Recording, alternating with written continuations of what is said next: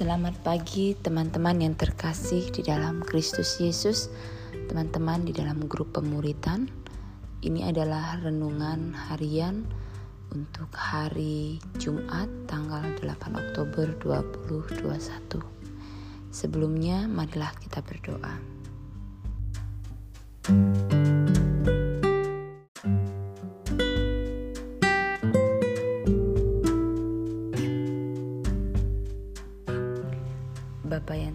Terkasih, terima kasih Tuhan karena Engkau selalu memberikan berkat, damai sejahtera dan kasih karuniamu kepada kami semua. Dan pada kali ini Bapa, kami akan bersama-sama merenungkan firman-Mu.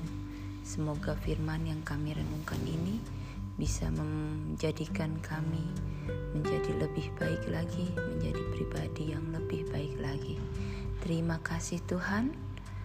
Dalam nama anakmu kami berdoa dan mengucap syukur. Haleluya. Amin.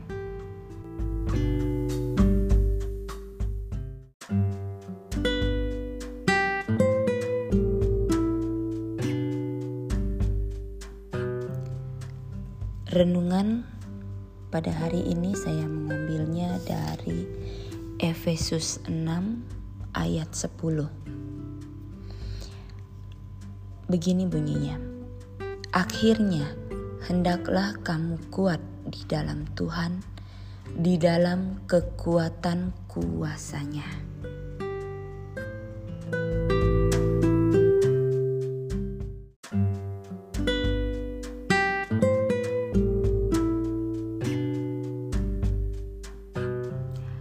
Saya ulangi kembali. Akhirnya, hendaklah kamu kuat di dalam Tuhan, di dalam kekuatan kuasanya. Saya hanya mengambil satu ayat di dalam Efesus 6. Akhirnya, kata akhirnya ini sebenarnya tidak terlepas konteksnya dari Efesus bab sebelumnya yaitu Efesus 1 sampai 5. Di situ uh, Rasul Paulus memberitahukan kepada jemaat di Efesus bahwa sebagai pengikut Kristus kita harus begini, begitu, A, B, C, D pokoknya lengkap mulai dari Efesus 1, 2, 3, 4, 5. Tetapi di Efesus 6 kita sampai kepada eh, kata-kata uh, dari Rasul Paulus akhirnya bahwa inilah uh, terakhirnya hendaklah kamu kuat saya sangat mendapatkan uh, rem, uh, rema di kata-kata kuat di sini. Akhirnya, hendaklah kamu kuat di dalam Tuhan. Jadi, kuatnya kita itu seperti apa?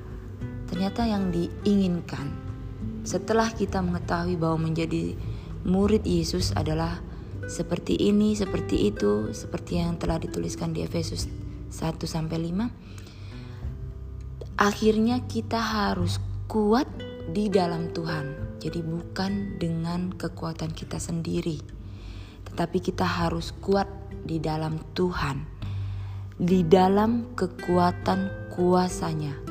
Jadi saya merasa bahwa kata-kata ini uh, adalah sesuatu yang sangat penting bagi kita bahwa tanpa Tuhan jika kita tidak berada di dalam Tuhan, maka kita tidak akan kuat. Memang Efesus 6 ini ayat 10 sampai uh, ayat 20 itu menceritakan tentang perlengkapan rohani.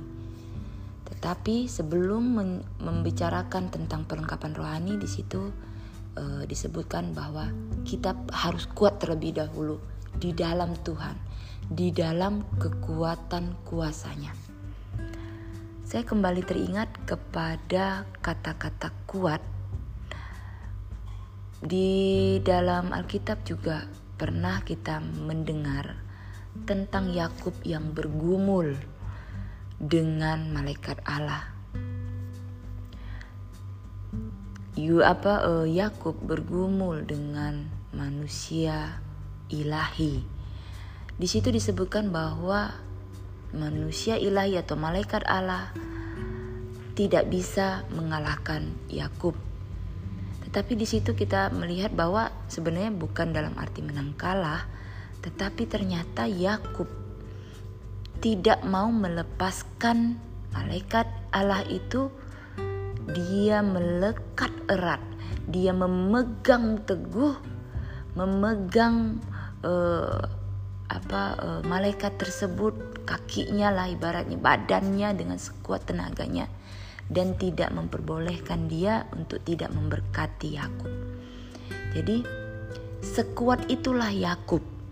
Dia tidak ingin berkat itu lewatinya, lewat begitu saja. Nah, dengan uh, dengan hal itu maka saya kembali lagi di Efesus 6 ayat 10 bahwa ternyata kita kuat pun harus seperti Yakub di mana kekuatan kita harus seperti kekuatannya Yakub. Dia secara uh, fisik benar-benar tidak ingin melepaskan berkat itu daripadanya. Tetapi kita juga uh, dalam keadaan uh, kehidupan kita sekarang kita pun harus kuat dan kita harus melekat erat di dalam Tuhan. Maka uh, kita bisa menghadapi apa pun permasalahan yang ada di dalam kehidupan kita sehari-hari. Demikianlah uh, renungan pada hari ini. Semoga kita semua di dalam grup pemuritan selalu menjadi um, kuat di dalam Tuhan, tidak meninggalkan Tuhan, tetapi selalu melekat erat di dalam Tuhan karena di dalam Tuhan kita tahu, di dalam Tuhan kita memiliki uh, kekuatan kuasanya. Uh, demikianlah renungan ini.